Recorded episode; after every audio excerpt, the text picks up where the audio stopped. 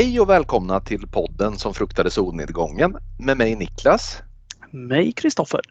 Jag följer, nu talar jag, jag, jag vet att jag talar för oss båda här nu direkt i avsnittet att vi är ju Star Wars fans egentligen, både du och jag. Mm-hmm. Jag har börjat se den här eh, Book of Boba Fett Trevligt. på HBO. Eh, den här serien och nu har jag eh, kommit, alltså tror det eller ej, men jag har sett i fatt så att jag, jag ligger i fas med alla avsnitt nu. Det har typ aldrig hänt tidigare i en serie. Förutom Mandalorian som var den tidigare eh, Star Wars-serien. Har du sett Mandalorian eller Book of Boba Fett? Mandalorian har jag sett och uppskattade mycket. Det tycker jag var härligt. Det, Boba har jag inte kommit in i än. Nej, Boba Fett börjar lite segare men nu är Mandalorian tillbaka. Spoiler alert alla som följer detta men Mandalorian är tillbaka lite nu och eh, även eh, hans lilla följeslagare. Så att eh, det, det, jag ska inte säga för mycket för det är en ny serie men det är en mycket välgjord och mycket stämningsfull serie eh, jag ska säga jag tycker de nya Star Wars-filmerna har varit helt okej okay, men hade de anammat mer utav den här Äh, lite av västernkänslan i både Mandalorian och Book of Boba Fett som ändå finns där så, så tror jag att även filmerna hade blivit på samma nivå som, som de här serierna för, för det är de inte riktigt. Eh, kort bara, vilken är den bästa Star Wars-filmen som någonsin har gjorts enligt dig? Empire, alltid Empire. Det, den är mörk och den är, ja, den är bäst den kanske är bäst rent objektivt. Jag tror inte att vi liksom eh, sticker ut här utan den är ju helt otrolig faktiskt. Och den är precis som du säger, den är mörk och den är Visst det finns eh, komiska inslag i filmen men den är inte riktigt lika komisk som till exempel eh, efterföljaren där med nallebjörnarna utan den, den, är, den är precis på rätt nivå tycker jag. Är det inte eh. nästan alltid så också i filmer att den här alltså upptrappningen, alltså du får ju presenterad själva grundpremissen i första Star Wars-filmen. Och sen, alltså den första Star Wars pratar vi om nu. Och sen eh, i just Empire, alltså allt byggs upp. Vi, vi liksom får lära känna alla karaktärer. Vi, den här, hela konflikten trappas upp och alltså avslöjandet att Darth är hans eh, far, Lukes ja. fader. Alltså det är allting. Den har, den har liksom allt. Det finns inget ja, men, den saknar. Verkligen och den, jag skulle säga, precis den delen där nu är, det, nu är man ju så van vid det faktum att Darth Vader är Lukes far att man har liksom glömt bort att det kanske är en av filmhistoriens största twister rent av detta avslöjande i slutet på del 2, 5 eh, om man ser det så. Eh, så att eh, den, den, den är helt fantastisk. Har du sett något bra i veckan? Det har jag, men innan vi lämnar Star Wars så vill jag bara mm. säga det att du har ju briljerat med ditt Fortnite-spelande här i ja, tidigare ja. avsnitt. Jag har inte lyckats ta hem någon Victory Royale här i veckan men det är ju Star Wars-tema i just eh, Fortnite numera. Ja. Och vet du vad jag gjorde? häromdagen. Nej. Då startade jag upp min, eh, mitt Playstation och eh, grabbade tag i en ljus sabel som låg inne i en liten hydda. Och som Anakin i Revenge of the Sith så gick jag lös på younglings överallt. Jag skövlade dem. Jag, jag, jag hade ihjäl 18 stycken små, 18. små barn. Alltså det, det, de, och jag, jag satt där med brinnande ögon och jag vann inte. Men det var värt allt det där. Jag vet att de satt hemma och grät. För att jag ja. kom där med min Wookie-gubbe som jag köpte dyrt för mina intjänade pengar. Och jag gick lös och högg dem med mitt röda svärd. Fantastiskt. Jag kan tänka mig att du kanske ser ut lite som du vet i um, Attack of the Clones. Uh, del 2 alltså. De, de, du säger dem i rätt ordning. Det är, jag tänker på den här millennietrilogin som kom där men den som är del 2 helt enkelt. När Anakin ger sig på den här lilla byn eh, den här tältbyn, är det sandfolk eller något liknande som, som bor där? Men han, han skövlar dem med sin ljussabel. Det var, det var så du ser ut tänker jag mig. Det var precis så jag såg ut också. Får jag bara fråga där, vilken, vilken, vilken, vilket skin köpte du sa du? Jag köpte ett uh, Wookie-skin som ah. fanns att köpa. Jag trodde att det var Chewbacca. Men ah, det mörkare det Chewbacca? Ja, det var från uh, Book of Boba, Book Fett. Boba, Boba Fett. Mycket cool. Ja. ja. han är med där.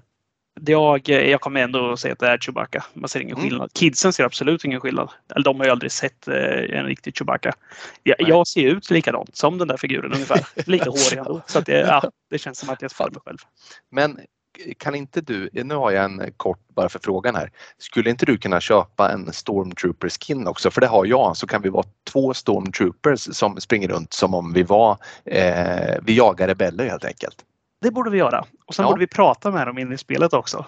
Ja. Förnedra dem. ja, precis. Kalla dem för Rebel Scum.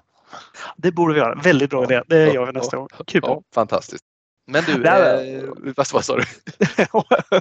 Nej, jag tänkte säga vad jag har sett för någonting. Har jag sett ja, någonting?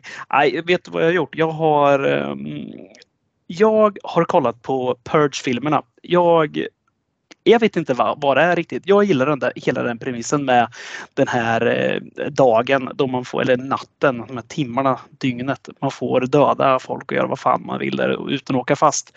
Jag har sett alla filmer nu och nu i veckan såg jag Purge Forever tror jag den heter och The First Purge. Det här är inga bra filmer. Det är inget man behöver hänga i granen och tänka men jag tycker ändå det är härligt. I den ena Forever Purge då fortsätter de ju purga hur mycket som helst. Det är, liksom, det är ingen logik i det. De bara fortsätter. Det blir typ inbördeskrig i USA. Eh, de purgarna mot vanligt eh, Svenssons. Och sen har vi The First Purge, hur allting startade jag säger att The Purge fortfarande är en ny film. Den är säkert tio år gammal nu. Men för mig är det fortfarande en ny ja, film. Ja, den är ny såklart. Och jag tror det finns sex eller sju filmer nu och jag har sett alla de här och jag tycker liksom att, att den första kanske är en, ja men det är väl en stabil sex av tio film liksom. Resten blir mm. bara sämre. Det är ingen som sticker ut nämnvärt där men ja, trevligt ändå. Jag eh, skulle faktiskt först vilja säga bara att du behöver aldrig be om ursäkt till mig när det gäller att man tittar på film som av, är av kanske egentlig tveksam karaktär. Jag älskar eh, den där typen av film. Det är liksom inga konstigheter. Jag har sett Purge 1 och 2 och eh, vill minnas att jag inte hade tråkigt en sekund. Sen eh, som sagt är det inget som stannar kvar men på något sätt, det är lite som du säger, på något sätt så är det någonting som gör att man, man vill gärna se hur det, hur, det, hur det går i de där filmerna eh, faktiskt. Det, det stör ju en att veta att det finns en film kvar i serien också. Man ser alla. Ja, verkligen. Har du betat dig igenom något kul? Förutom det vi har avhandlat idag så har jag faktiskt sett om den här eh, Halloween Kills, du vet, som vi faktiskt såg på bio tillsammans. Jag eh, läste en mycket negativ recension som satte filmen i ett annat ljus än vad, om det nu ens går att sätta den i något ljus överhuvudtaget. Alltså den är ju vad den är. Ehm, men, men eh, när jag sa om den, eh, jag ska säga att jag var eh, ganska brusad när jag gjorde det också så att jag, jag upplevde det lite som första gången jag såg den där jag även då var ganska brusad eftersom vi hade varit på puben och druckit öl innan vi såg Halloween Kills.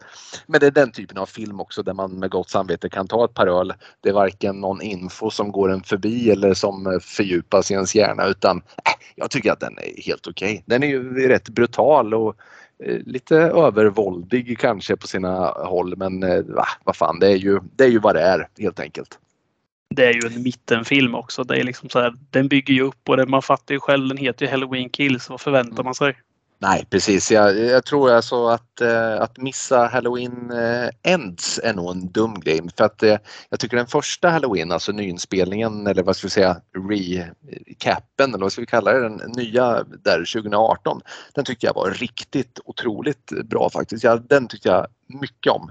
Halloween Kills är ju en, ja, men det är lite av en trea kanske. Men Halloween Ends tror jag, där kan vi nog få, där kan man nog få lite minnesvärt att ta med sig misstänker jag. Absolut. Kills var ju perfekt att dricka sju öl till också och sen mm. gå in i salongen. Verkligen. Sitta och kinesa där i, i halvvägs in. Ja absolut. Det var inte lika lätt att gå in och se den här eh, eh, ja, vad heter den, June, när vi, när vi hade suttit och druckit öl. Då eh, ville jag eh, helst bara springa tillbaka till puben igen. Även om filmen i sig är bra. Eh, sen har vi gemensamma vänner som älskar den över allt annat och då brukar jag göra en stor apparat av att kalla den dålig fast jag egentligen inte tycker det. De där eh, ökenvyerna i kombo med för mycket alkohol. De mm. Eh, var de sövande? Ja, skapligt. Då. Stora oändliga landskap av sand. Eh, icke icke en bra kombo med alkohol, om man, i synnerhet när man ska sitta där i närmare tre timmar. Och du, på tal om sand. Eh, sandiga landskap, ödsliga landskap. Eh, vad är det för film eller filmer som vi har tagit oss an till dagens datum? Ja, vi har väl eh, gått tillbaka. Vi, vi har kört ganska mycket, eller vi har kört West Craven nu med, eftersom vi har kört eh, Terror på Elm Street. Och så fick vi ett litet önskemål där om att hoppa tillbaka i tiden ytterligare och köra The Hills Have Eyes mm. från 1977. Eh, Jag vet inte om önskemålet just var den första där eller om det var nyinspelningen, men vi har ju sett båda. Så som jag förstod så spelar det ingen roll. Det är alltså en, eh, ja, en snubbe som heter Mattias Brissman som har önskat The Hills of Ice och som jag fattar det både original och, och nyinspelningen. Eh, och det som är intressant, man skulle nästan vilja höra ifrån Mattias Brissman gällande, nu vet inte jag vad hans relation till skräckfilm är i övrigt men rätta mig om jag har fel men jag tycker inte att The Hills Have Ice känns som en en naturlig första film om man inte är någon skräckälskare i övrigt utan det är liksom den här är ju ganska speciell och, och nästan kräver att man ska vara lite liksom du vet invaggad i genren för att ens stöta på de här filmerna. Så känner jag i alla fall. Mm. Ja, men vi kanske kan eh, få en liten förklaring på det där i något avsnitt framöver. Det vore, det vore trevligt. Det vore mycket trevligt. Vad har du för relation till The Hills of Ice? Jag vet inte om man nu eh, gör, alltså, for, nej det skiter jag i för det måste vara sanningsenlig. Jag såg faktiskt remaken först. Jag stötte på eh, remaken. Eh, sen visste jag såklart att det var en remake. Det var inte så att jag levde i villfarelsen om att det här är någon form av ny film jag ser utan jag visste att Wes Craven hade gjort The Hills of Ice men av någon anledning så hade jag inte riktigt kommit över den där filmen. Eh, och för mig som är ganska odigitaliserad när det gäller eh, film, eh, säkert mycket annat också, så stötte jag faktiskt på Alexandre Aches, heter han så, fransmannens nyinspelning före. Och därför så, så är det också från den filmen jag tar avstamp när jag pratar originalet också. Jag vet inte om jag har gjort mig själv en otjänst. Jag vet inte. Vilken såg du först och hur kom du i kontakt med dem? Jag såg faktiskt den gamla först, men den här mm. är också som mycket annat som vi sett för alldeles för länge sedan. Mm. Så att eh, jag hade inget så här. Eh, jag kommer inte ihåg jättemycket av den, men eh, likt dig så hade jag betydligt bättre minnen av eh, nyinspelningen. Den tror jag såg mm. på bio till och med när den kom där.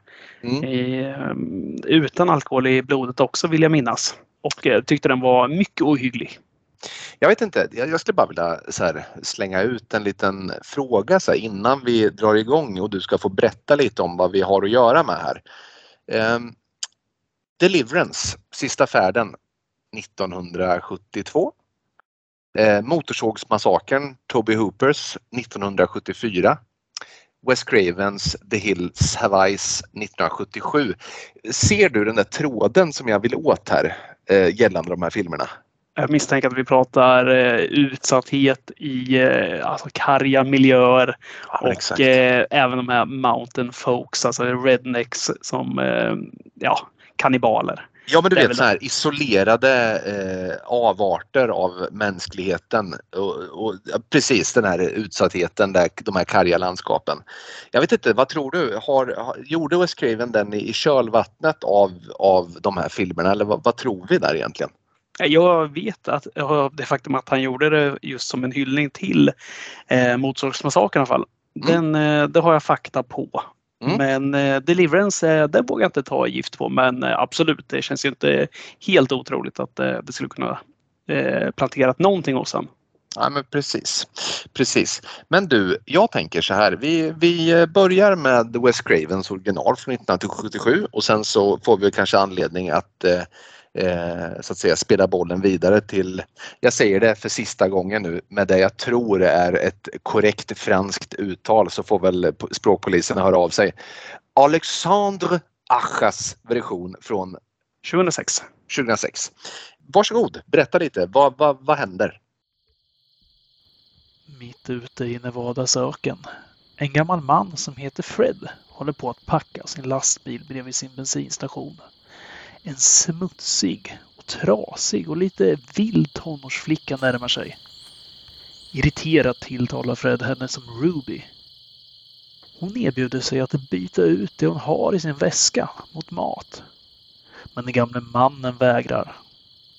De går in i en liten stuga och Fred skäller ut henne för vad hon och hennes flock har gjort. Ruby säger att hennes familj ordnade ett bakhåll på en närliggande flygfält eftersom de var hungriga och ingen längre går förbi deras hem. Hon vädjar till Fred att ta med sig henne bort ifrån allt detta. Han säger till Ruby att om flocken, i synnerhet någon som heter Jupiter, får vetskap om detta kan hon vara i stor fara. Ett plötsligt ljud distraherar dem och Ruby gömmer sig. Ljudet kommer från familjen Carters bil och husvagn. Föräldrarna Bob och Ethel kör tillsammans med sina tonårsbarn Bobby och Brenda. Äldsta dottern Lynn tillsammans med hennes man Doug. Dottern Katie och deras hundar Beauty och Beast. De stannar vid bensinmacken Freds Oasis för bränsle. De berättar att de är på semester för att fira silverbröllop och är på väg mot Kalifornien och passande nog har gjort en liten avstickare hit för att spana in en gammal silvergruva. Fred säger åt dem att den gruvan är borta och silvret är slut samt att flygvapnet nu använder det som övningsområde. Innan familjen kör iväg vrålar han från vägen att om det prompt måste köra vidare så vad det än gör, stanna för guds skull på huvudvägen. Efter att ha åkt vidare ett tag har familjen Carter självklart lyckats köra vilse och kört in på en sidoväg. Fipplandes med kartan i sina armar och med familjen hysteriskt skrikande försöker Bob lista ut vart de befinner sig. Samtidigt ser vi hur någon iakttar dem via en kikare. Plötsligt flyger ett militärt jaktplan över deras bil och Bob blir så överraskad att han kör av vägen. Och bilen kraschar. Då detta är mitt ute i öknen och på 70-talet så är inte mobiltelefonen något alternativ. Bob bestämmer sig för att gå tillbaka till Fred. För att få hjälp och Doug ger sig av åt andra hållet. I skymningen kommer Bob fram till bensinmacken och träffar där en stupfull Fred som först skjuter på honom med en pistol och sen försöker hänga sig själv. Fred berättar att han inte hade för avsikt att döda Bob utan han trodde att han var någon helt annan. Han berättar att för 40 år sedan så blomstrade det här stället. Han och hans fru hade precis fått barn och hade ytterligare ett på väg. Men med det andra barnet gick något fel. Fruktansvärt fel. Hans fru födde en son som vägde närmare 9 kilo. Var hårigare än en apa. När sonen var blott 10 år så var han redan längre än sin fader. Olyckor började hända runt honom och djur i hans väg. De dog mystiskt. En dag berättar Fred om hur han varit i stan på ärenden och kommit hem för att mötas av att deras hus stod nedbrunnet och hur han hittat sin dotters uppbrunna kropp. Han förstod att detta måste varit sonens gärning och berättar hur han i ett vredesutbrott slagit honom sönder och samman med ett järnrör för att sedan lämna sonen att dö ensam i öknen. Men att sonen sedan på något mirakulöst sätt måste ha överlevt och sedan längre fram kidnappat en kvinna ingen skulle sakna för att sedan föröka sig med henne. Mer hinner inte Fred berätta innan fönstret bakom honom krossas och en vildvuxen man sliter ut honom i nattens mörker. Bob flyr i panik men den gamle mannen hinner inte långt innan hans lungor ger vika av trötthet och han faller till backen blir tillfångatagen av den stora mannen som vi förstår är Freds son och numera lyssnar till namnet Jupiter. Tack för den fina inledningen. Vi har den här som sagt var lilla, eh, det här lilla sällskapet av diverse karaktärer. Vad skulle du säga är, har du några så första tankar om det här sällskapet? Alltså de är så jäkla många. Det är Mm. så många karaktärer vi blir introducerade för i den här lilla bilen, den här familjen Carver som Mm. de eh, heter. Carter, förlåt, Carter. Ja, men alltså det jag det reagerar på först, det är ju egentligen vad som kommer att bli kanske vår stora huvudroll. Det är ju Doug. Mm. Jag tänker bara på hans hjälmfrilla och mustasch. Alltså det, ja. jag, jag förstår ju att eh, eftersom jag har nyinspelningen i huvudet så förstår Mm. jag att det här är vad som kommer bli hjälten. Mm. Men han har ett utseende som inte är normen för hur en skräckhjälte eller actionhjälte ofta ser ut. När man ser hans uppenbarelse som sagt var så tänker man att det kanske är han som dör först rent av i den här filmen. För att han ser tämligen, han förstår, han ser lite så här, förstå sig påig ut. Eh, och, och samtidigt så ser han så här ganska så, vad ska vi säga, lite sen, du vet nördigt ofarlig på något sätt. Eh, så att eh, han ser ut att, som att han skulle kunna ligga rätt illa till. Ja, det gör han. Har du sett eh, filmen Napoleon Dynamite? Ja, det är en av min eh, sambos favoritfilmer. Jag har inte Ja. sett den själv, men jag vet mycket om den ändå av den anledningen. Du vet hur han ser ut i alla fall kanske? Ja, just själva absolut. Napoleon. Mm. Ha- Hade man kunnat byta ut eh, Doug mot just Napoleon här och Ja. eh, filmen hade antagligen varit ungefär detsamma. Detsamma, absolut. Och samma så här eh, döda mig-känsla hade, hade regnat över den här karaktären. Så är det. Man, man ser ju, han, alltså, han skulle kunna gå beväpnad med någon slags så här, dator som man kodar på eller någonting. Alltså, han, ser Mm. ut, han ser så harmlös ut. Mm. Men du, den här eh, Fred som driver den här macken, Mm. John Stedman som spelar honom. Ja. Han tycker jag är fruktansvärt bra där. Han, Mm. han känner man ju med direkt, eller jag gör det.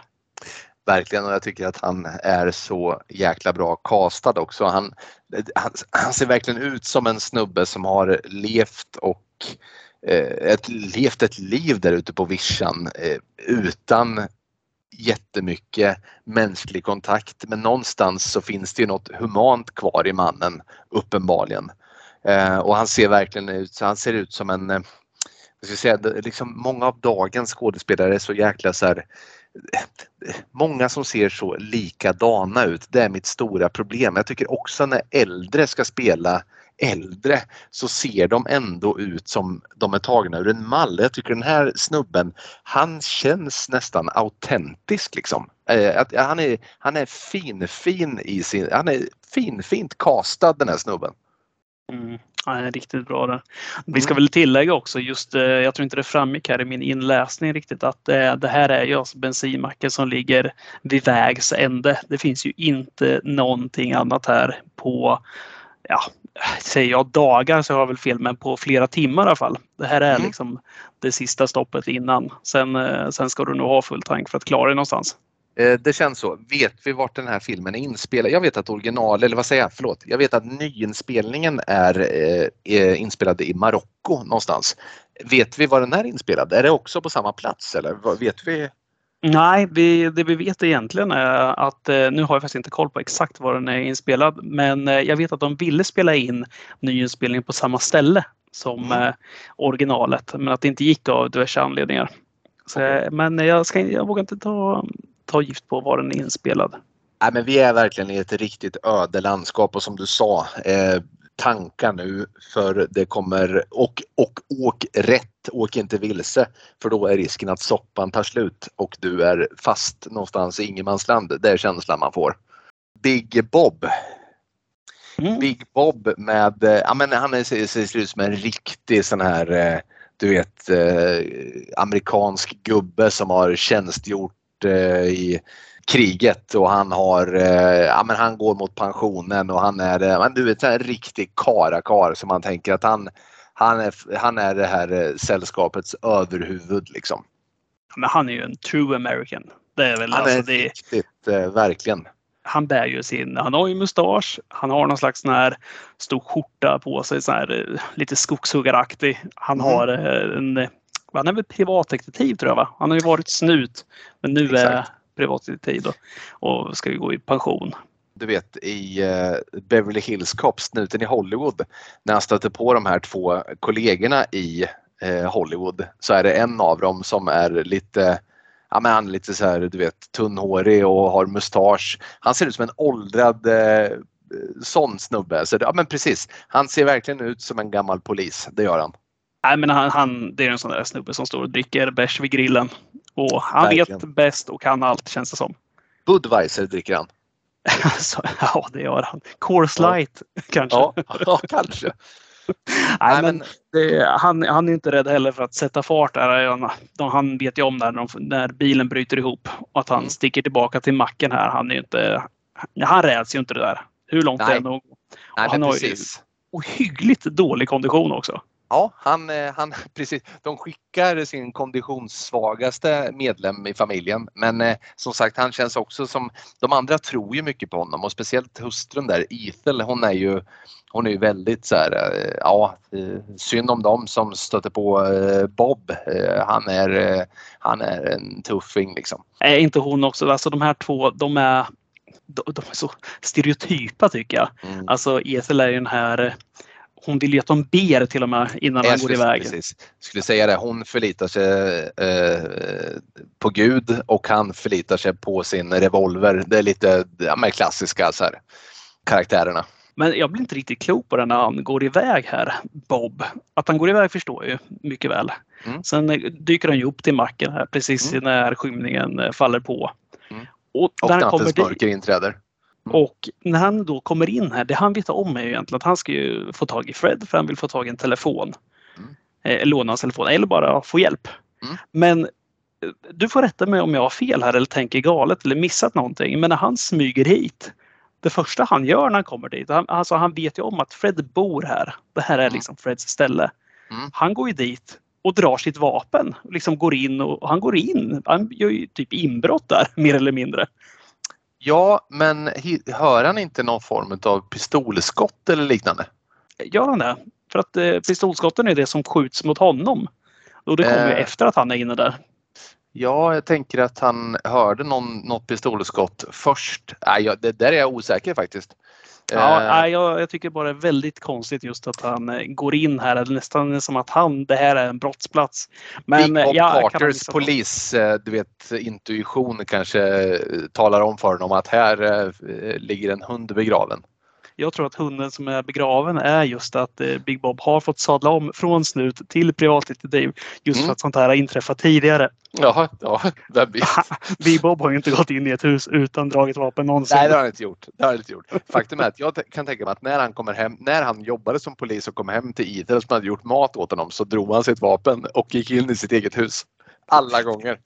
Nej, men när han, eh, ja, men när han, eh, när han springer här, när han, eh, efter att Fred blir utdragen genom fönstret, han börjar springa där. Alltså vilken otroligt ohyggligt dålig kondis han har. Ja. Han springer och på något sätt så är ju den här Jupiter då som ligger i buskarna och lurar. Han ser honom hela tiden och pratar och säger vad är det han säger här? Does your chest hurt? Does your chest hurt? Ja. Och så hetsar honom. Och man måste ju tänka att han måste ligga några hundra steg före då hela tiden. Det har jag också tänkt på. Jag tänkte att han, Jupiter måste löpa parallellt ute i buskagen och varje gång Bob stannar för att det ska vara exakt samma röstläge för honom så måste han vara på exakt samma avstånd i förhållande till Big Bob varje gång som han pratar. Det, det där är ju jäkligt obegripligt men jag tolkar det som att han löper parallellt ute i buskagen där, Jupiter. Ja, Den gode det, Jupiter. Det här är absolut ingen som har någon betydelse för filmen. Nej, nej absolut inte. Men det är här som, slog en. Ja, det är ju alltså den är inspelad 77. Det finns, eh, det finns lite saker som man hittar så här som inte riktigt kanske tekniken klarade av just då. Som man fick Nej. lösa på andra, andra sätt. Och jag Men- tänker mig, jag, alltså all respekt till om eh, eh, Wes Craven kanske rent av eh, sa så här, ja men skit i det nu. Eh, som förklaring på det. Ja, Det är helt okej. Ja, ja, verkligen. Jag tycker det är så härligt också just det här när han Fred berättar här om eh, hur det var, hur det här blomstrande, eller hur den här byn som Mm. vi får anta har varit, eller den här gruvstaden har blomstrat Mm. tidigare. När han berättar där om den historien om Mm. eh, sitt barn eller om sin fru som får de här första barnet som föds utan eh, några problem och sen det här Mm. andra. Det, den är så jäkla stark, den är så Ja. tragisk. Så Ja, att, eh, verkligen. och just att han säger att han, eh, när han kommer hem här och det här, eh, han ser sitt hus nedbrunnet och han hittar sin dotters med aska. Och Ja. att han då drar, han säger ju på engelska att I split his face open with Ja, an det iron tire. Alltså det är så brutalt. Det, är väl- ja. Det är ju liksom en tioåring han slår. För jag Ja. antar att det är, han säger att det är, året är 29 tror jag. Och sen Ja. säger han eh, ja, det är 39 efter har jag för mig. Mm. Alltså det, du drar en tioåring, du är farsa och drar tioåringen i ansiktet med järnrör. Det är Ja. rätt brutalt. Och han har ju ett ganska hyggligt eh, R, eh, eller vad ska vi säga, han har ju som en krater i ansiktet får vi se sen. Så att eh, ja, smällen tog. Men Ja. eh, skakade honom inte nämnvärt verkar det som. Nej, och det, blir lite lu- lurigt det här att han Fred lever kvar här också eftersom det inte finns någon civilisation här Nej. runt omkring. Och han uppenbarligen vet om att sonen överlevde det här. Mm. Eller tror det i alla fall. Ja. Eller han, han, han verkar ju förstå det. Så Ja. blir det ju väldigt konstigt att han väljer att bo kvar här. När han vet Ja. vad den här eh, sonen är för typ också. Ja, precis. Men de håller ju på med någon form av byteshandel genom den här, eh, eh, vad är det hon heter? Är det Ruby. Ruby, Ruby precis ja. Eh, och som Ruby vill ju gärna följa med, alltså Fred när han ska dra där, Ruby vill gärna följa med men det har ju pågått någon form av byteshandel genom åren så att de ska få liksom eh, mat och förnödenheter. Jag vet inte, kan det vara så att Fred brottas med någon typ utav det är trots allt hans son eh, och hur eller hur så, så eh, kanske han vill bistå sin, sin son med ja, det han behöver där ute. Alltså i minsta möjliga mån i alla fall. Ja absolut, så kan det väl absolut vara. Alternativt att han, eh, han ser inte ut att ha det allt för fett på den där lilla bensinmacken heller. Nej, Samtidigt så tycker jag hans utseende och framförallt näsa skriker ett eh, långvarigt alkoholmissbruk också. Den där snoken får du inte om du inte håller i rätt bra. Så får vi säga. Om eh, Big Bob dricker Coors Light och Mm. Budweiser, då dricker Fred något eh, betydligt starkare. Ja, Fred slutade med bärs för många år sedan. Det är eh, mycket bourbon där du. Han eh, föredrar ju att eh, skippa spannmålsprodukterna och Mm. gå på det starkare istället. Då eh, ber jag om att du eh, via en lika trevlig inläsning för oss framåt i handlingen Off. Vi får reda på att flocken som Fred talat om består av Mama. En alkoholiserad kvinna som vi får utgå från är den Fred berättade om.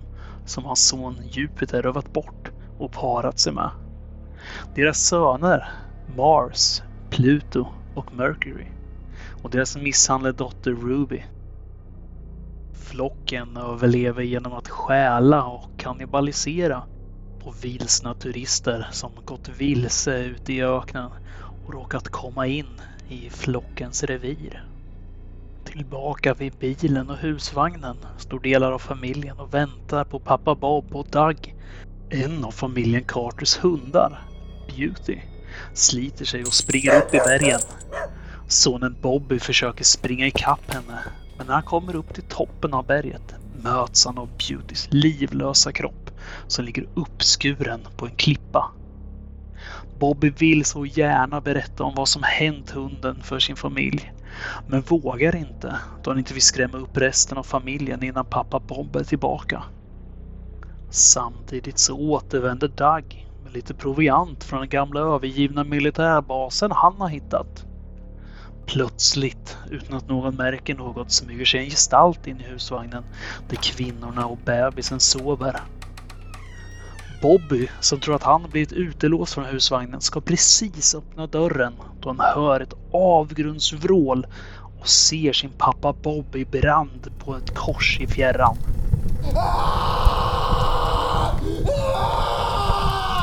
Ethel, Lynn, Doug och Bobby rusar till Bob medan Brenda stannar kvar i släpet med barnen.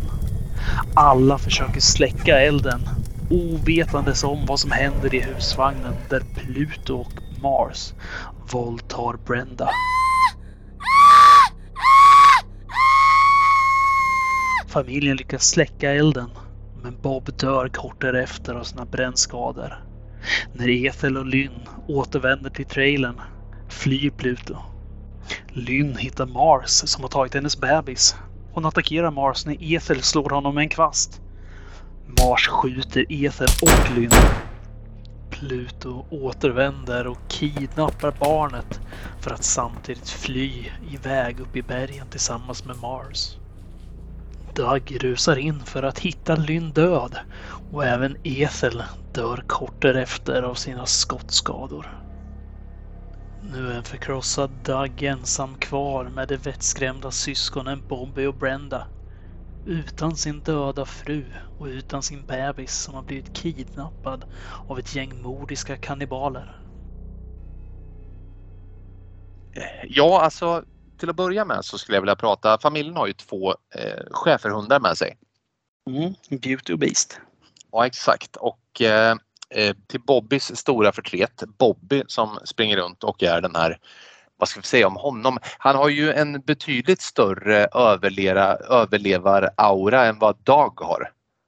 Ja, det har han. Det, det han har eh, det han har väldigt lite av det är shorts. Otroligt Precis. små shorts. Ja, men han känns lite som någon så här, ja, du vet någon ökens, öknens Youngblood på något sätt. Som springer runt eh, utan skridskor då eh, och eh, ingen Patrick Swayze men han, han, eh, han känns ju som någon form av så här pretty boy eh, i den här filmen.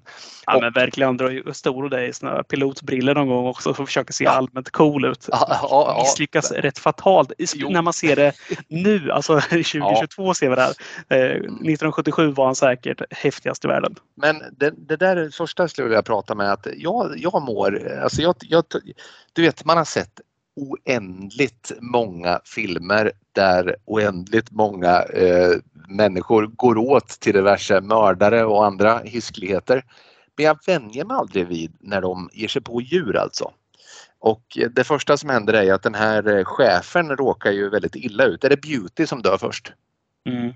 Ja. Har du något att säga om den scenen när, när, när Bobby hittar Beauty eh, bland klipporna här?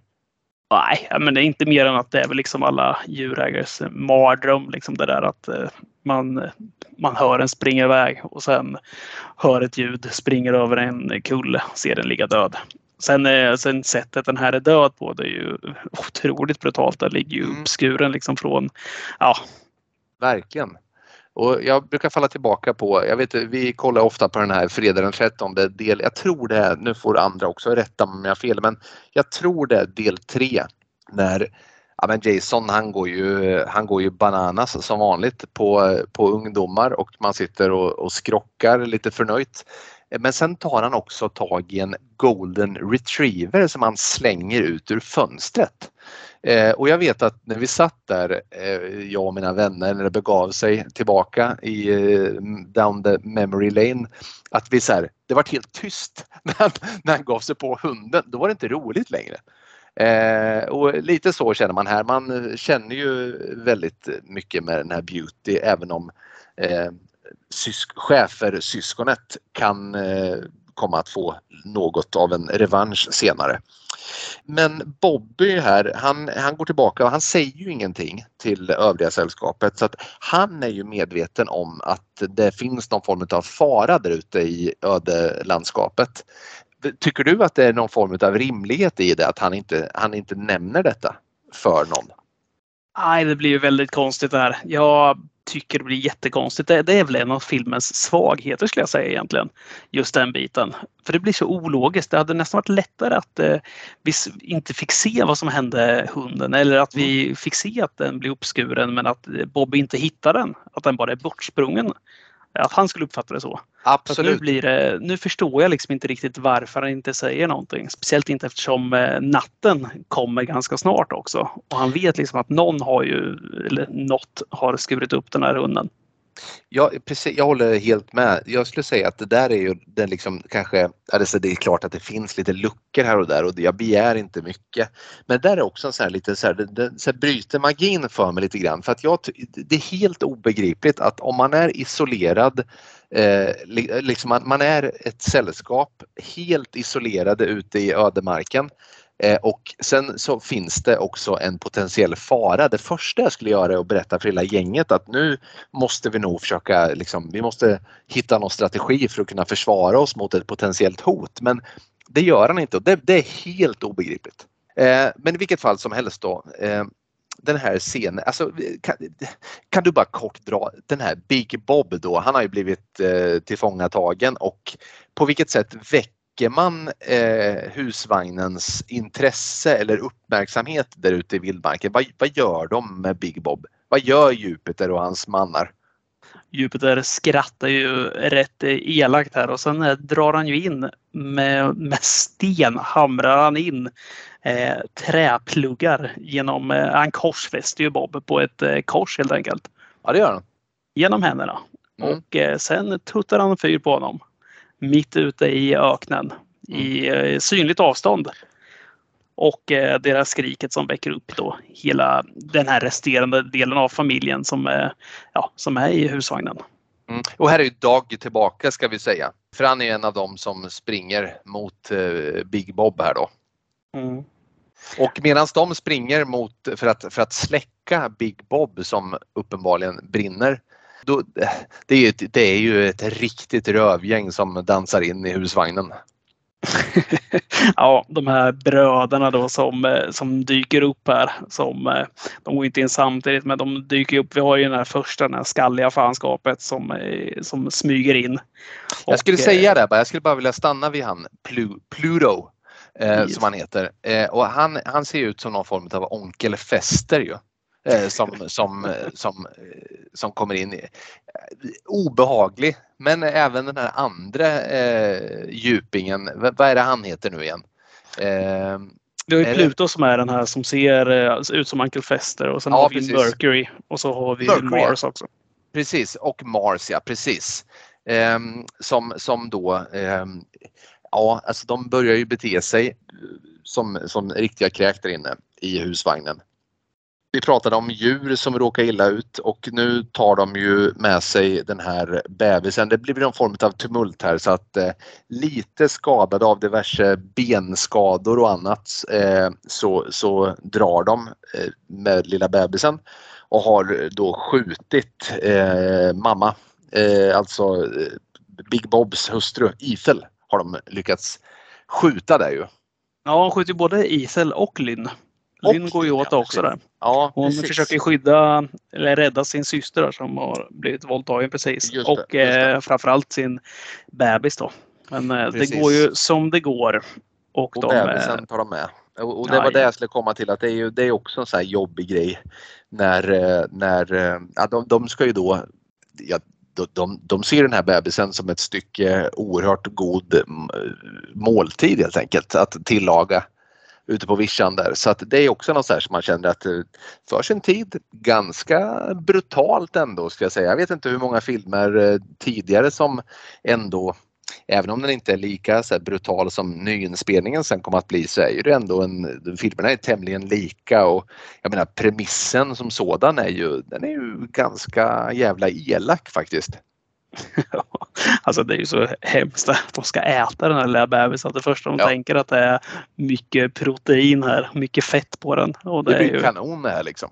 Ja, det, men det är också så jäkla brutalt det här när de går in i husvagnen. Just mm. när han Pluto där är ju först och det är han som är först på Brenda. Om jag kommer ihåg rätt här. Han börjar ju smyga upp där och man fattar ju direkt vad han ska göra med henne. Mm. Men han är ju också den mest, får man säga den mest eh, icke-utvecklade av de här bröderna. Ja. Han är ju otroligt defekt. Ja.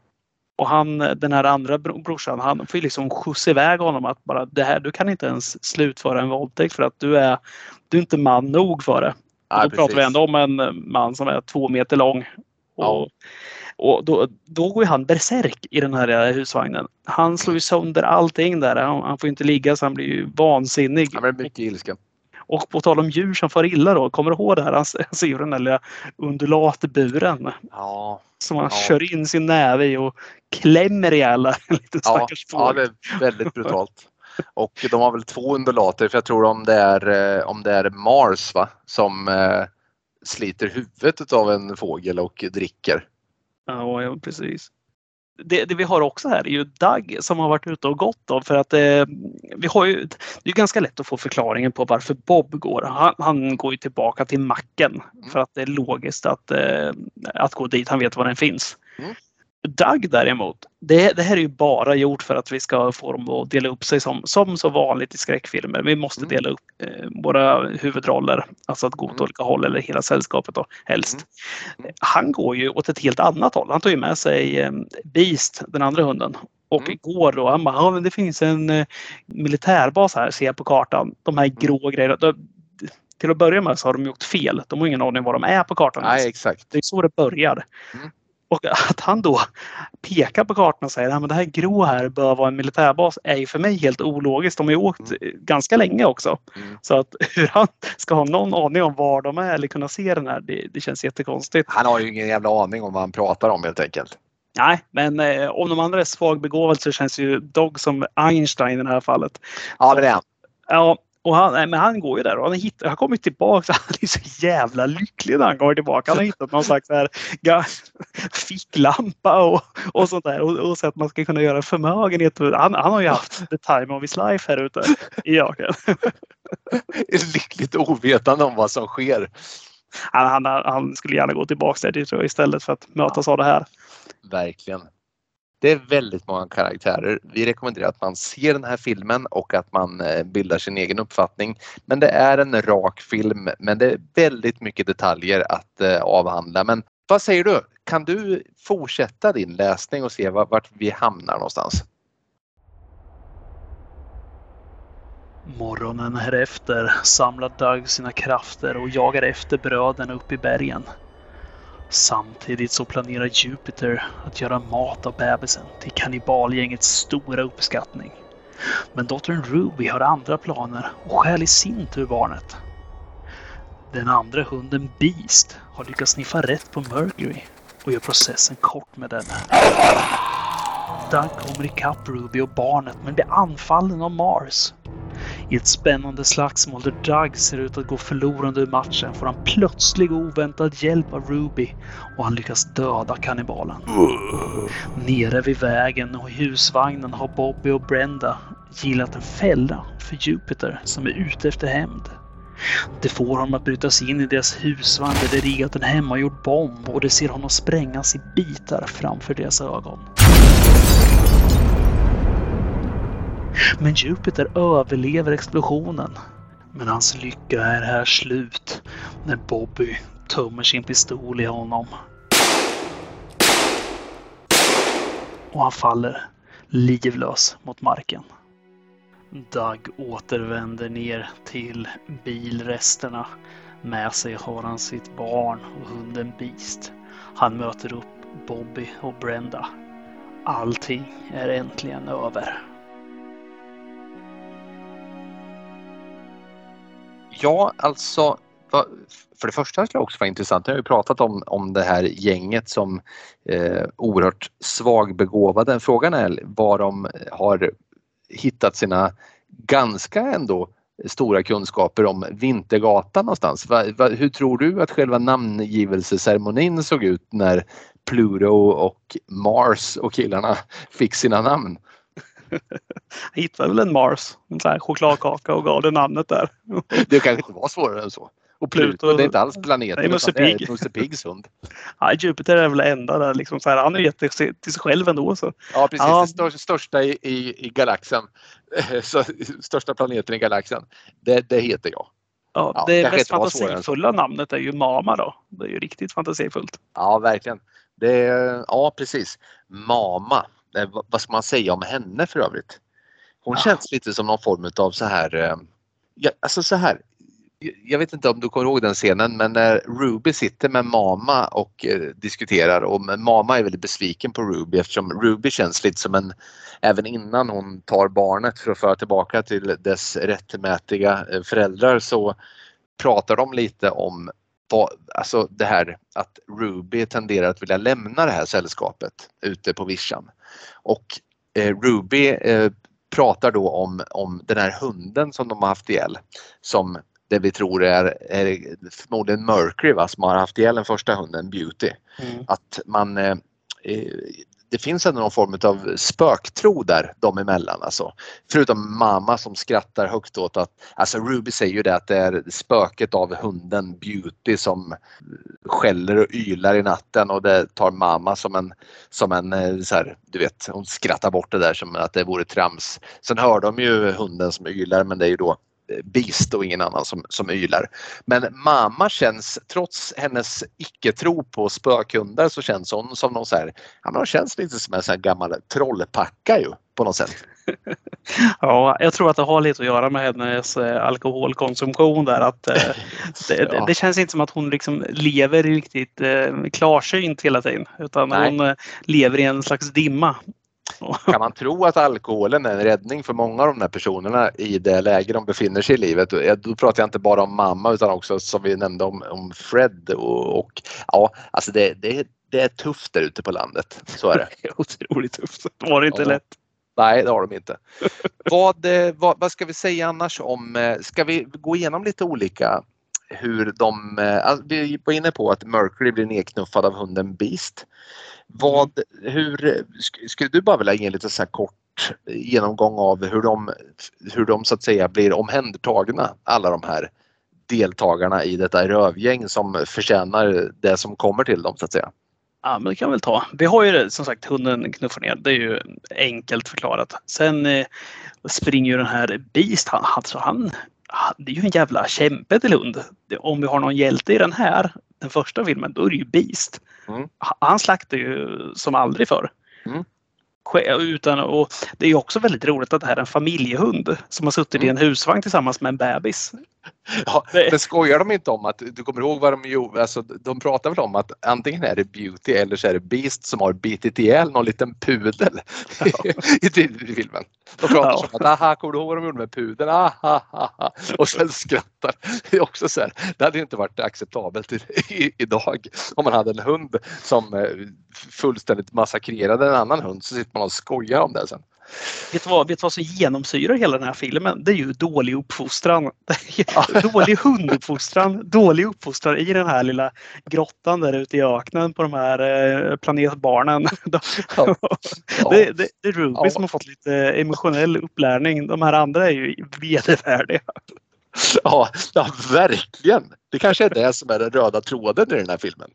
Men man undrar lite så här, jag ska gå igenom sen hur de dör de här, men jag, är väl bara den här hur de har växt upp de här, hur de lärt sig språket och så vidare. Den här mannen är ju tio bast när han har alltså, rymt upp och förökat sig med den här, kul att säga förökat sig för övrigt, med den här mama, alkoholiserade skökan.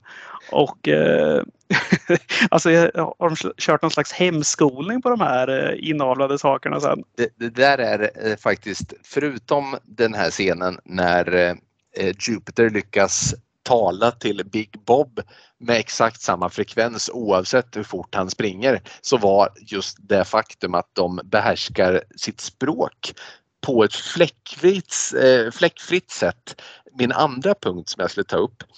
För det är ju så att vi var inne på Pluto, han är ju den som sticker ut som mest svagbegåvad i sällskapet.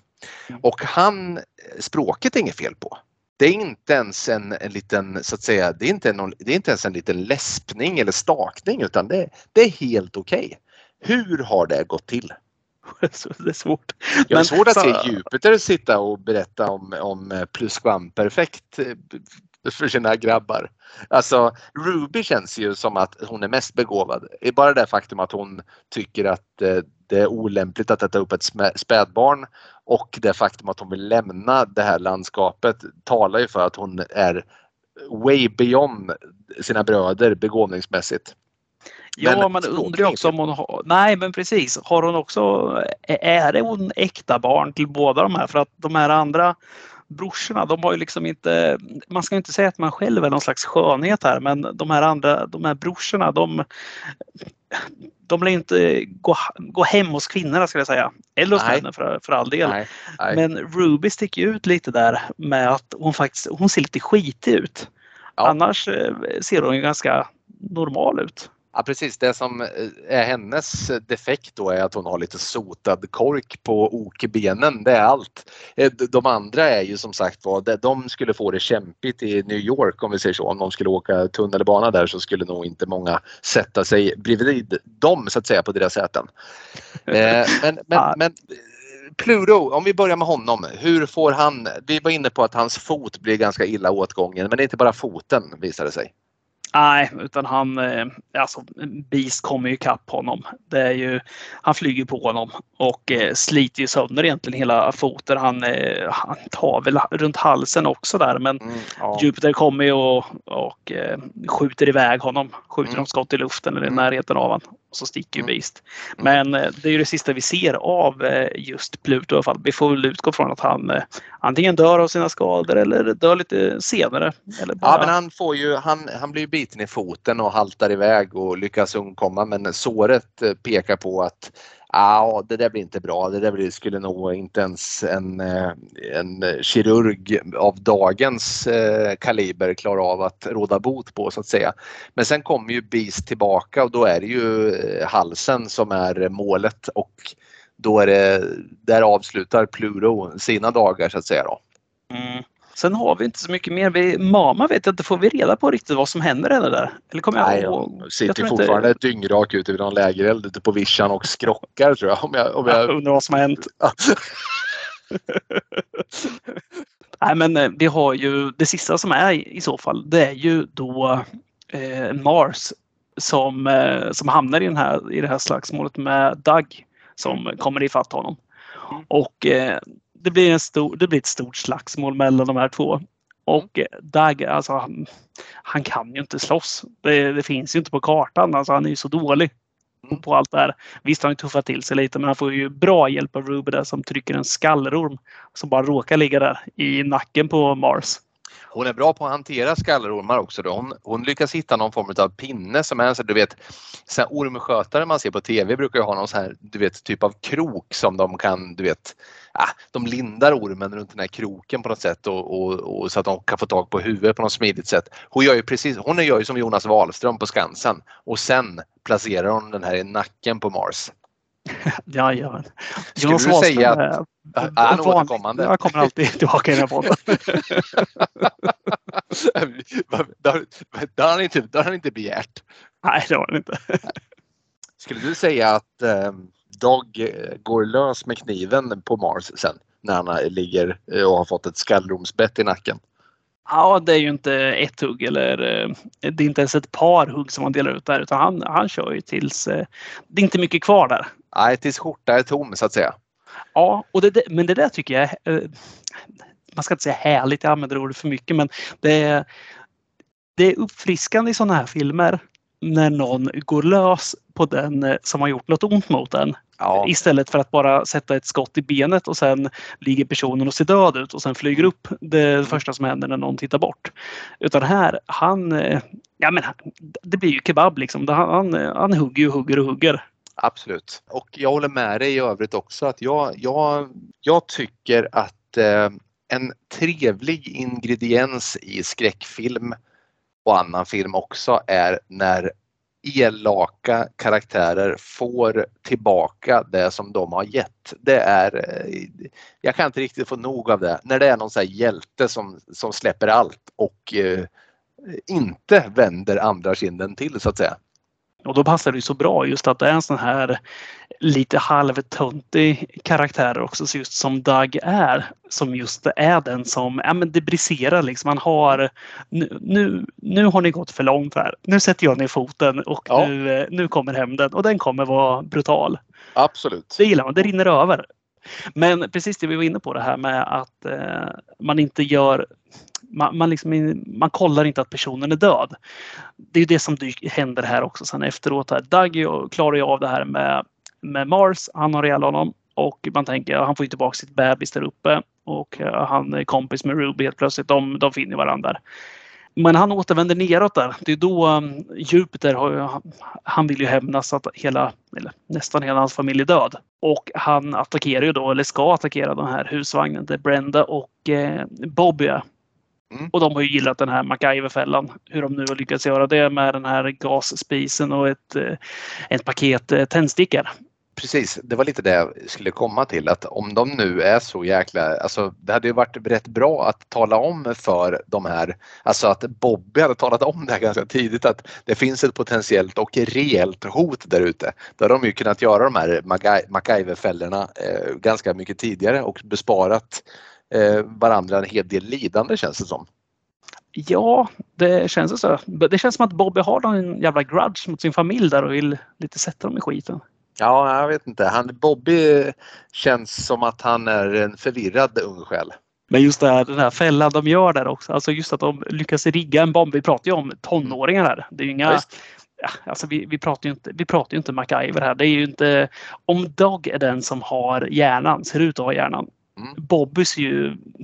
Han har ju inte det. Han är ju muscles i så fall om Doug ja. brains. Mm. Men att de lyckas gilla den här, alltså gillar upp en bomb, det känns så otroligt svagt också. Just ja. att det ska vara när han bryter sig in. Mm. Jupiter, och ja. Jupiter står där och knackar och nosar på den som ja, en liten så här hund också. Känner gaslukten där. Och sen smäller det. Och sen givetvis dör han ju inte av det här utan de tror, de tror ju att han är död. De står ju och hoppar där och firar som att eh, det är 4th of July. Men eh, Jupiter kommer upp med det enda vrål han kan. För så mm. låter han hela filmen. Vad han gör. Och flyger på och ska hugga ihjäl dem efteråt. Här.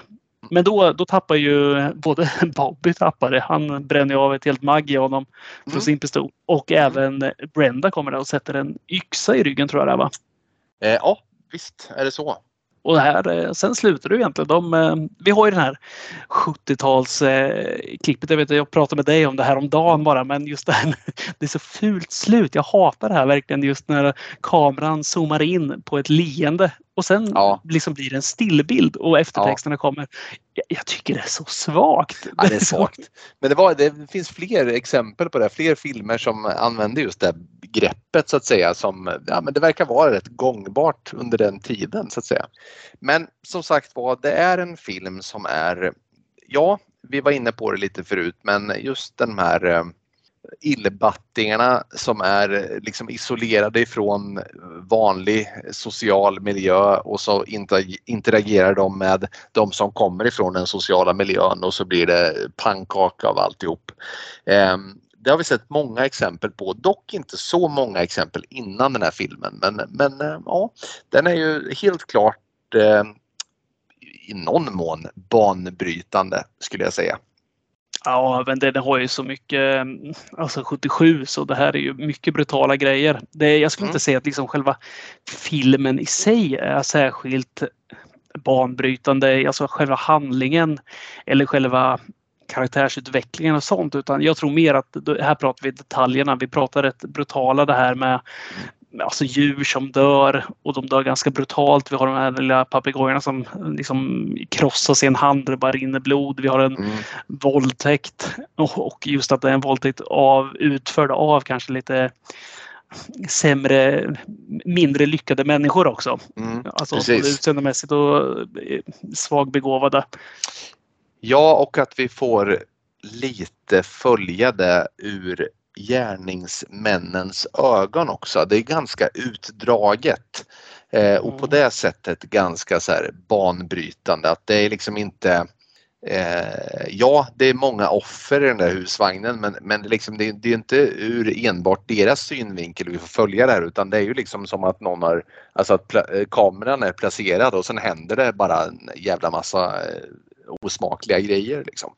Eh, men du, jag tänker så här att sen finns det ju en nyinspelning också eh, och den ska vi kan vi ju, alltså den är ju i mångt och mycket samma film. Det är samma karaktärer med såklart nya skådespelare eftersom den här filmen är från 2006 och jag skulle bara vilja kort fråga dig då Hoff innan vi går in på den filmen. Eller har vi något mer att säga om Wes Cravens The Hills of Ice, originalet? Eh, nej, det har vi inte. Jag tycker nej. vi kan lämna För då, då skulle jag bara vilja föra in på tal då att eh, har du sett Wrong Turn från 2004? Mm. De här eh, missfostrarna lite mer inne i the Midlands ja, precis. USA ska jag väl säga. mer ute i bushen mm. än ute i ödelandskapet. Samma premiss. Några har åkt the wrong turn helt enkelt och stöter då på eh, en annan så här, ohygglig samling människor som då bor där ute i, i den typen av vildmark istället. Sen tar det två år och så gör Ascha den här eh, nyinspelningen av The Hills of Ice. Tror du att det, att det ena gav det andra där lite grann eller tror du att det var att den levde sitt eget liv och det var dags för en remake av Wes Cravens eh, original? Eller vad tror du? Nej, jag tror att den här, alltså hela den här vågen som kom här, det, det var nog ingen slump för Wrong Turn och eh, ja, nu ringer ingen klocka här exakt vilka mer filmer vi har där, men jag vet att det är ett par. Det, alltså vi kom, det kom mycket mer alltså videovåld, mm. alltså det här grövre, det här mm. eh, som du verkligen får se. Det slog ju stort där och det här var ju alltså Ascha mm. har ju, han spar inte på blod i sina filmer utan det, och det är köttigt där. Ja, verkligen egentligen är det ju i mångt och mycket samma film. Vi har Big Bob, han är ersatt av gamla Ted Levine som vi minns som Buffalo Bill i När lammen tystnar för de som eh, har sett den, vilket jag hoppas att de flesta har gjort. Vad tycker du om han i, i, i rollen som Big Bob? Jag tycker han är bättre än eh, originalet. Mm. Det är också kul man läser just om att han eh, tydligen eh, improviserade i stort sett varenda replik han hade. Men han ah, passar coolt. otroligt bra för han, jag tycker han bär upp bättre just att man förstår att han är liksom han är liksom inte lika fet och klumpig lite så här. Det, det blir lite för mycket alltså så här, John Candy Polisskolan gubbe av, ja. Eh, alltså nu är inte John Candy och Polisskolan något gemensamt men du förstår Nej, vad jag menar. Liksom, jag menar. Stor och så här komisk den här första man ser i originalet. Ted kan man rent av ana att eh, det är en gubbjävel som man helst inte ska bråka med känns det ju som. Nej men Ted Levin överlag känns inte som en person man bråkar med. Alltså, jag, man vet ju att han har mördat folk innan lammen tystnar och det, det, känns som att han är den personen i verkligheten också. Han ser obaglig ut han verkar inte ha några sådana här mammakomplex som en lammen tystnar i den här filmen dock utan han känns också som en så riktig eh, du vet barbecue karakar som dricker Budweiser eh, vid grillen eh, också. Men han känns betydligt mer vital än den här eh, original Big Bob helt klart. Ja. ja.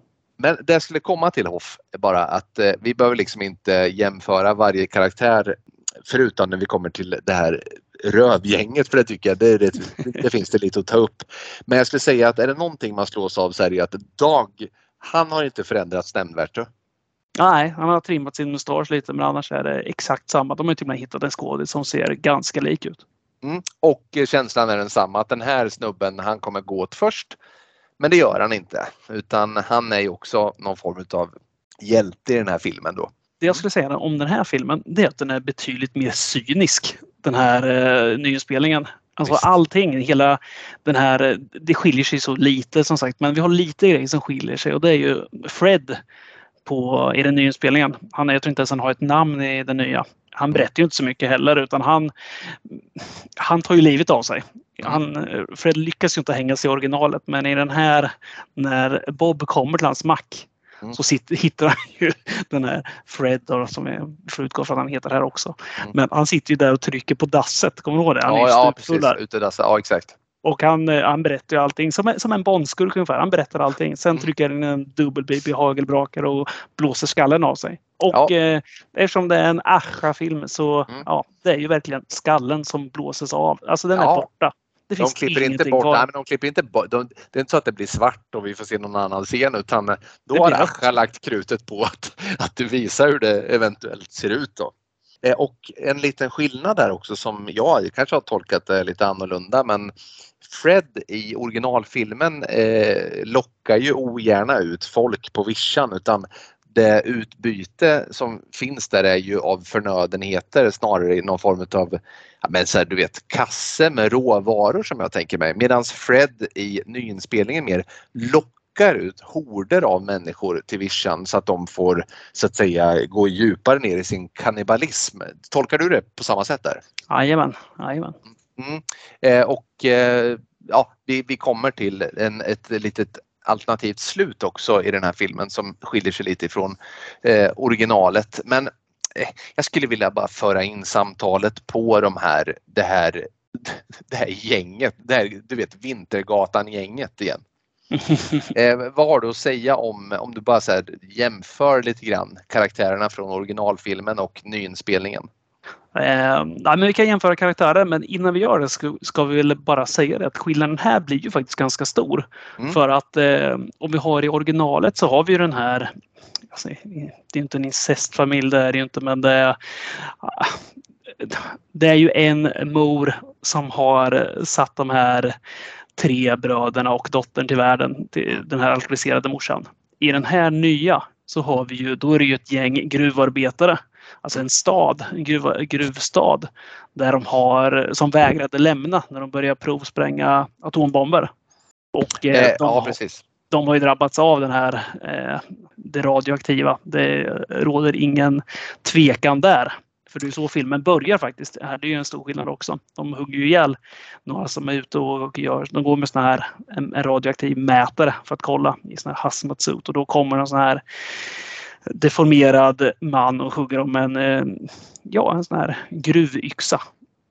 Ja precis, de, någon form av, ja exakt den taken på dem att de är snarare en produkt av att eh, ja, men intensiv strålning då snarare än att de är eh, produkten av en incestuös eh, tagning på det hela. Helt, helt mm. korrekt.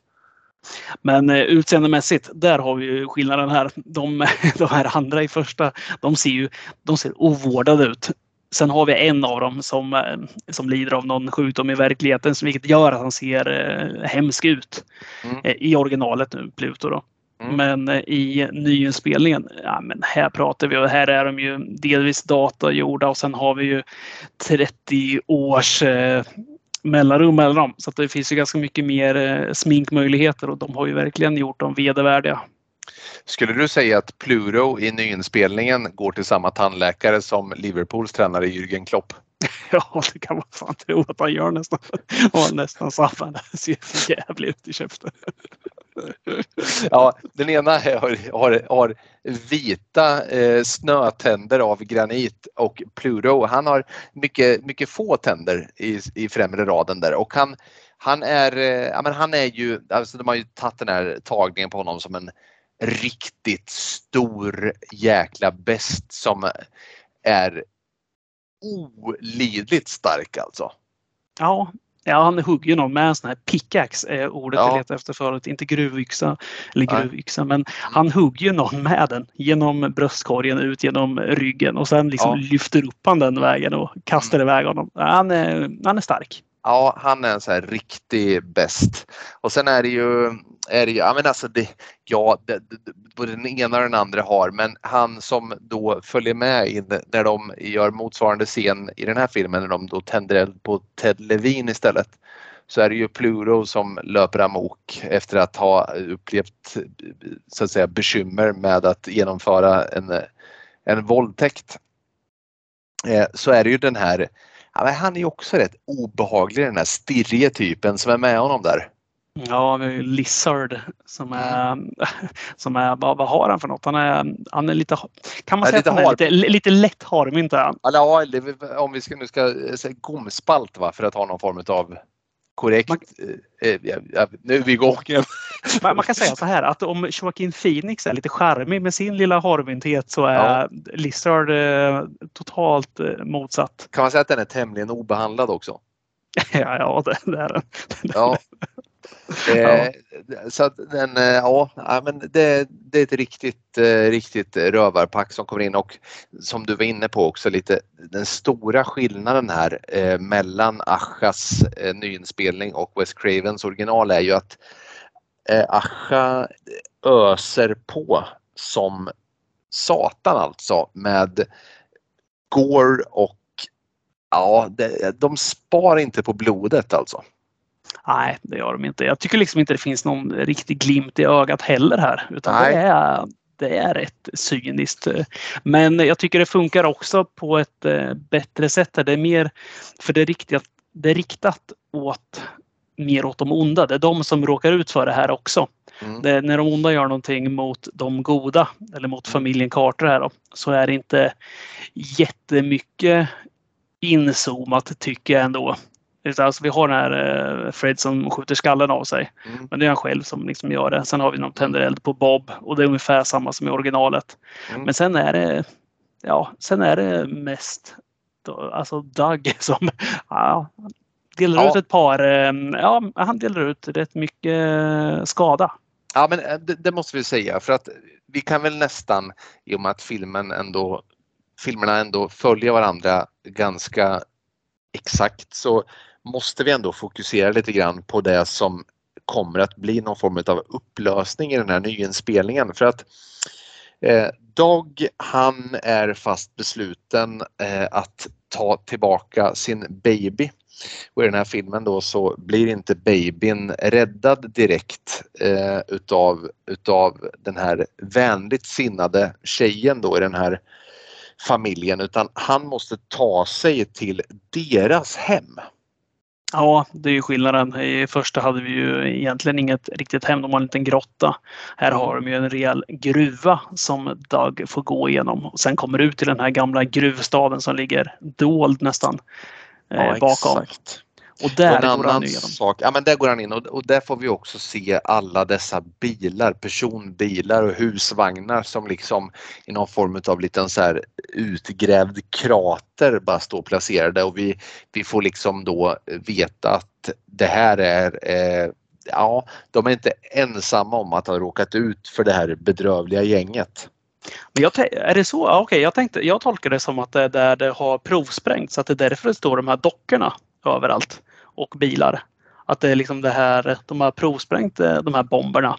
Du vet som i Indiana Jones när han mm. försvinner i ett litet eh, ja, kylskåp. Jag tänker mm. att det är en sån uppbyggd stad liksom som de har provsprängt Jaha, vet du vad, vet du, och jag tol ja, dockorna eh, har jag verkligen tolkat på det sättet. Däremot så har jag tänkt att de bilar och alla fordon som är placerade är du vet gamla gamla offer till de här. Men, eh, ja, men det, det, kan det nog vara. Det nej, låter inte helt, eh, man kan säga att det spelar ingen större roll nej, för filmen. Nej, det gör det inte. Det, man, man får, det pågår någon form av nedrig aktivitet i den där lilla staden. Så kan vi i alla fall enas om. Och i den här staden, det, det, det väntar ju diverse då eh, diverse då karaktärer som är nya för den här filmen och som inte är med i originalet. Mamma finns men mamma i den här filmen, vad, vad, skulle du säga om henne? Hon, hon ja, skapligt tämligen eh, blasé. Ja, hon sitter i ett av de här eh, husen och så sitter hon och tittar på TV. Det, ja. Och kammar någon docka eller någonting va? Ja, och ser inte, ser inte sådär jättekonstigt ut heller. Utan, Nej, bara rakat huvud. Det är allting. Ja, ja. ja det blir ju lätt så av all strålning. Ja preprecis, ja, men det, den, den, ja jag vet inte. Hon, hon känns ju ändå, vi får liksom ingen presentation av henne men det är inte så att hon sitter på några så missbildningar utan hon känns ju bara som någon som är helt mentalt dränerad snarare än någonting annat. Men eh. sen har vi den stjärnan då, alltså The Brains, Big ja. Brain som rullar ut i sin lilla ja, rullstolsliknande sak. Vad, vad tycker du om Brain? Vet du för att jag, jag, Big Brains här, jag vet inte med mig att jag eh, har sett en obehagligare karaktär i modern tid på film. Alltså. Det, det, det, är, det är en, en vedervärdig karaktär. Huvudet är någon, det är någon form av eh, dränage som, eh, alltså, jag vet inte, hon har ju en vattenskalle som inte, eller han, hon, jag vet inte, en han är det väl kanske? Ja, den han är Ja, eh, som har en vattenskalle som, som inte liknar något annat som världen någonsin har sett. Och det i sig är ju mycket tragiskt men i det här fallet så har den ju det har ju liksom stuckit iväg så att hon kan, eller han förlåt, kan inte ens hålla uppe sitt huvud utan han ligger ju då i, sitter, halvsitter i sin rullstol med huvudet bakåt eftersom huvudet uppenbarligen är så pass tungt så är också halsen svullen. Ja, jag, vet, jag vet inte ens hur jag ska beskriva det men, men det här är en grotesk figur. Den här, eh, den här Big Brains, han är ju inte en person som sitter och ropar på hjälp utan han verkar ju ändå rätt nöjd i sin misär för att han tar ju då del av ett ganska långvarigt slagsmål mellan Pluto och Dog ett slagsmål som Ja, det är ganska brutalt du. Ja, det är rätt brutalt. Ja, men eh, han, Pluto går ju lös där med, med sin yxa i det här fallet. Han hugger till och med av en fingertopp på honom. Det är, det är bara ett litet fingertopp, det är inte hela världen. Nej precis, men värre ska det bli för att han får ju, ja, när fighten vänder sen så får ju eh, Pluto, han får någon form av flagga tryckt inom halsen va? och sen, eh, ja vad händer sen? Någon yxa i huvudet eller något? Ja, men exakt. Och sen mm. Eh, kommer ju den här versionens Beast in och hunden och eh, riktar in sig på Brains. Brains har ju suttit och småskrockat lite åt att Dag ska dö. Men när fighten vänder och Pluto dör och Beast kommer in så sätter han skrattet i sin enorma strupe där lite grann. Jag tänkte på en sak där när, när Dag precis tar sig upp från backen där. Han väl precis eh, satt eh, flaggan genom eh, Plutos huvud där, eller hals. Mm. Då plockar han upp sina glasögon. Givetvis har ju Doug glasögon här också för han, eh, det är ju ett bra attribut för att göra någon att se lite töntig ut på film. Ja, ja. Men när han tar på sig dem, då är de här glasögonen helt sönder. De är ju liksom, mm. äh, de är så trasiga. Är det här en hyllning till gam också gamla 70-talsklassikern som också fick en remake, Straw Dogs med ja, Dustin Hoffman? Precis. Ja, verkligen. Jättelik. Som fick en inspelning med eh, Skarsgård där, precis. Ja, och hela alltså scenen just med glasögonen och hela karaktären, alltså Dustin mm. Hoffmans karaktär där, ser ju också ganska töntig ut. Och de här glasögonen är så, äh, skitgrej liksom i filmen. Jag har ingen aning om det är så, men eh, jag tänkte på det direkt när jag såg det. Jag har inte tänkt på det men nu när du säger det så känns det ganska givet. Den här vad ska jag säga, undertryckta nördiga karaktären som inte kan försvara vare sig sig eh, själv eller sin kvinna som sen får nog i slutet och gör eh, så att säga sopa banan med, med folk. Ja. ja, det känns rimligt. Eh, Ruby lyckas, precis som i den här filmen så är det ju Ruby som vill återlämna bebisen till Dog i alla fall. Då. Mm. Och enda skillnaden här är ju att hon inte lägger sig i fighten på något sätt där utan eh, hon offrar sig istället. Mm, i den här. Precis. Mm. Hoppar ju på Lissar där när han och, han och Doug slåss. Mm. Precis som, eh, ja, nu var det ju Mercury som föll från en hög höjd i den där men Lissard han, han ramlar ju ner från någon form av liten topp där ju. Mm. Och eh, ja, de hittas ju båda där. Eller Doug kollar ju ner, han får ju tillbaka sin barn från mm. backen och sen tittar ner och då ligger ju både Ruby och eh, Lissa där på en liten klippa. Med ja. spräckta ryggrader får vi väl utgå från. Vet du vad? Jag säger så här Hoff. Originalet, nyinspelningen, en liten resumé och ett betyg för de båda. Vart landar vi någonstans då? Jag skulle nog säga att Eh, om vi tar första filmen så den här hade man nog nästan velat se när den kom. Alltså jag hade velat vara jag hade velat vara så här gammal 1977 och se filmen första gången för att kunna bli chockad. För att kunna liksom känna att det här är något nytt. Det här är fan vad ballt eller fan vad äckligt det är. Nu har man sett så mycket så att det är svårt tycker jag att ta in hur äckligt det var då. Men jag tycker fortfarande att det håller. Vissa saker är obehagliga, till exempel det här när djur hittas döda eller de har ihjäl de här fåglarna. Men mycket annat och det är lite för mycket för mycket logiska luckor. Jag tycker nog att första filmen är, ja, men det är en trea. Jag tycker inte det är mer. Det, jag skulle nog säga att det är en ganska, det är till och med en svag trea. Jag tycker inte den är särskilt spännande eller särskilt, eh, ja, jag tycker inte det är något nytt alls. Nej, Sen nyinspelningen, om jag ska sätta något där istället. Där tycker jag att eh, den chockar för att det gör den. Det är så pass eh, brutalt. Sen om det är positivt eller inte, det är givetvis i betraktarens ögon som eh, allt som oftast. Men den tycker jag har någonting mer. Alltså jag tycker den är jag tycker den är bättre. Just den är dum men den är liksom så här, den är dum med flit känns det som. Det känns inte som att de är, har övertänkt det på något sätt. Det är inget jag sitter och stör mig på i den här filmen heller utan fokuset ligger på brutala mord. Det där är. Och det, det tycker jag man får förklarat ganska snabbt. Det är en hyllning till originalet. Den följer liksom allting där mer eller mindre. Men att den chockar betydligt mer med sina effekter. Så att jag skulle vilja säga att det är en, eh, det är en stark trea istället.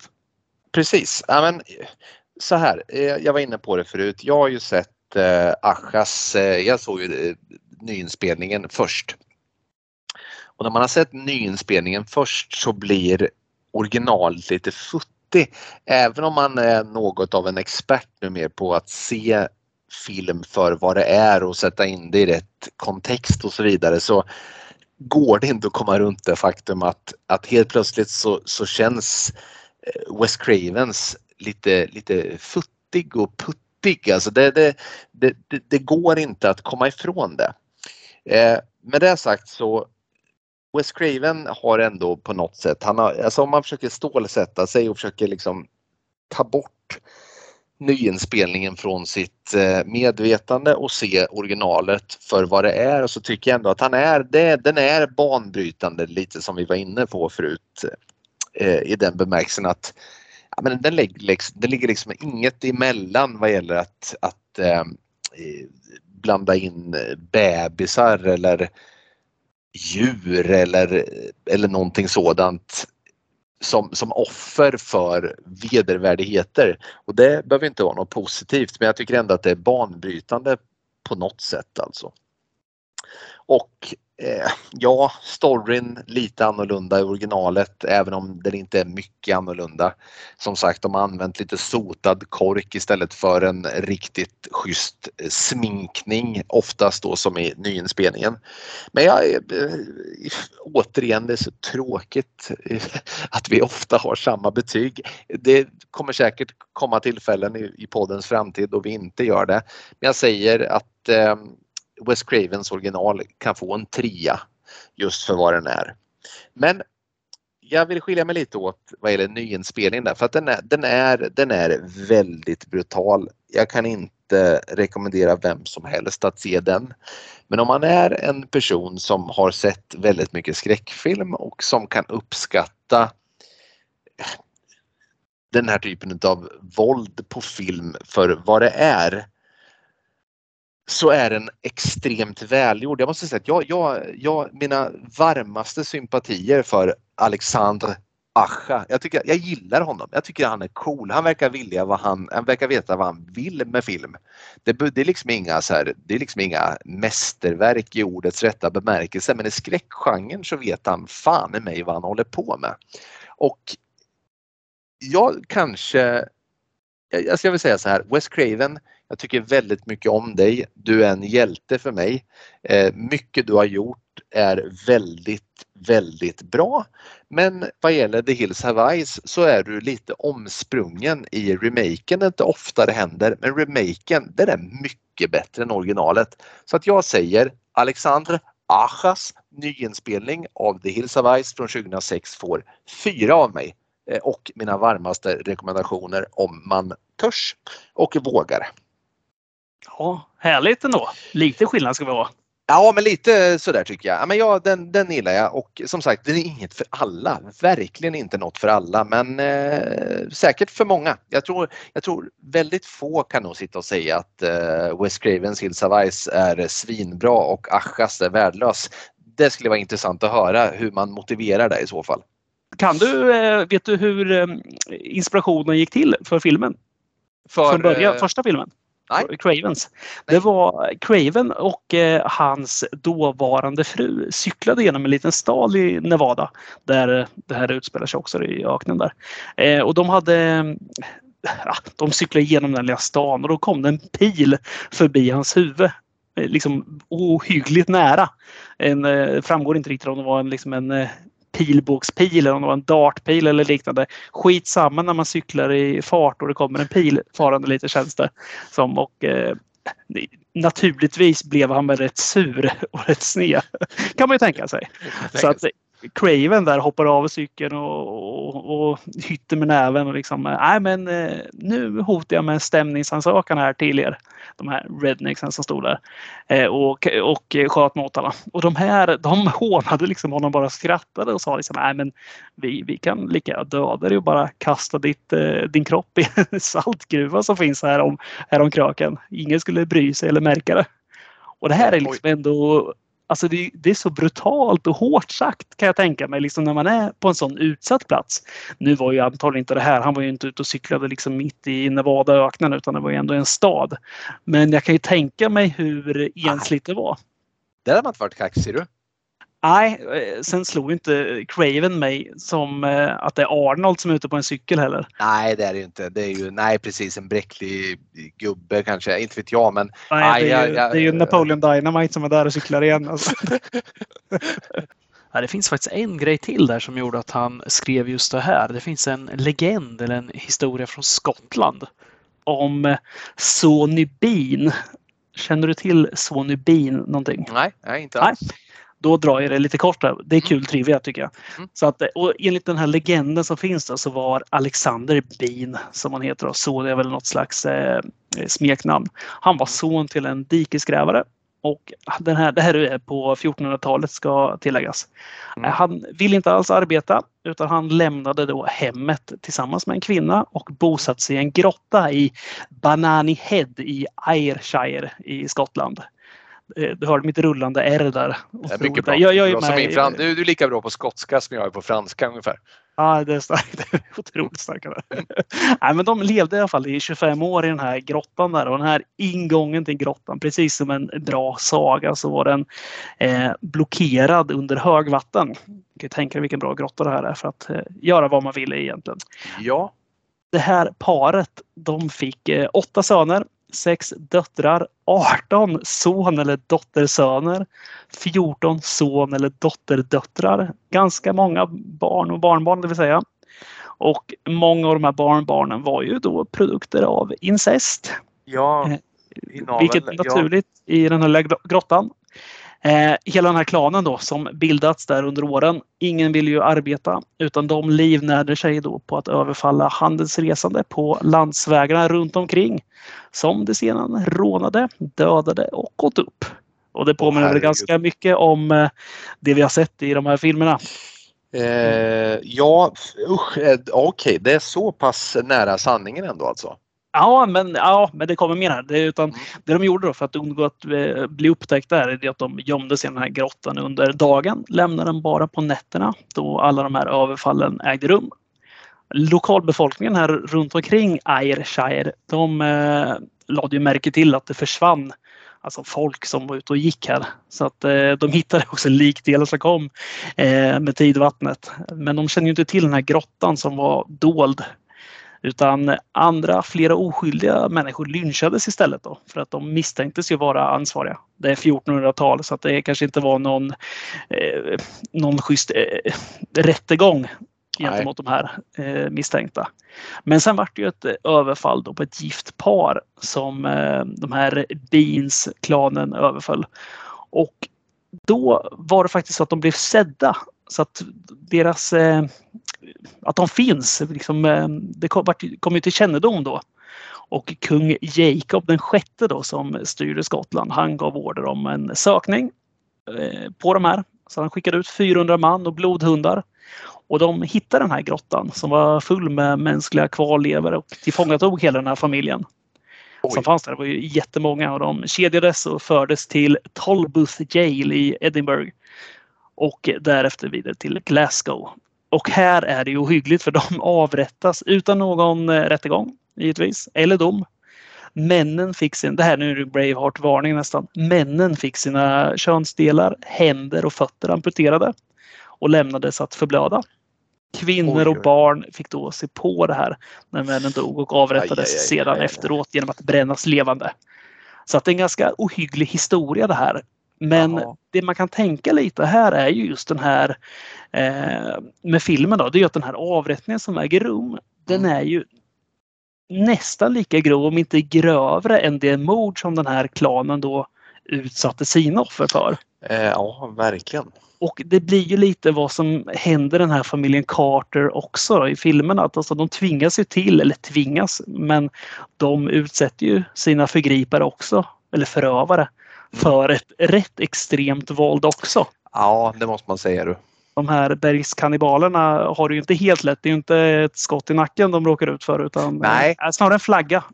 Eh, ja, ja, verkligen. Och de, ja, men precis, de får ju, de får ju någon form av mot motreaktion som de inte verkar vara särskilt vana vid eh, faktiskt. Ja, Nej, men det är väl en klassisk take på filmen att det här att eh, du har den här oskyldiga, precis som vi inne om eh, Straw Dogs också. Att du mm. börjar liksom att du har den här personen som absolut inte gör en fluga för när.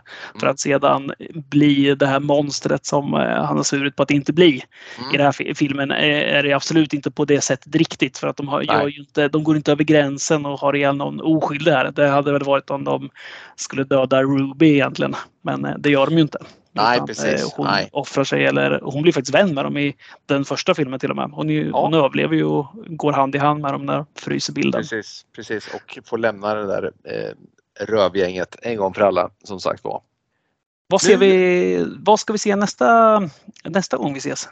Vet du vad vi gör då? Att då kommer vi diskutera del tre utav den här Terror på Elm Street eh, franchisen som vi ju kör där vi avhandlar från första till den sista sjunde filmen då vi också då bortser ifrån Freddy vs Jason och nyinspelningen av Terror på Elm Street. Utan, men då är det film nummer tre alltså som ska avhandlas.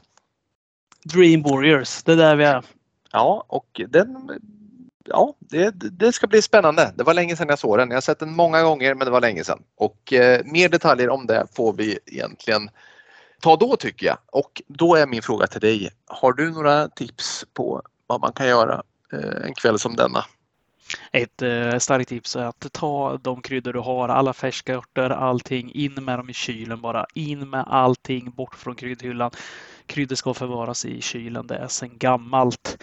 Något som är lika gammalt det är att när allt är på plats, då får du och jag möjlighet att för denna vecka försvinna i nattens mörker.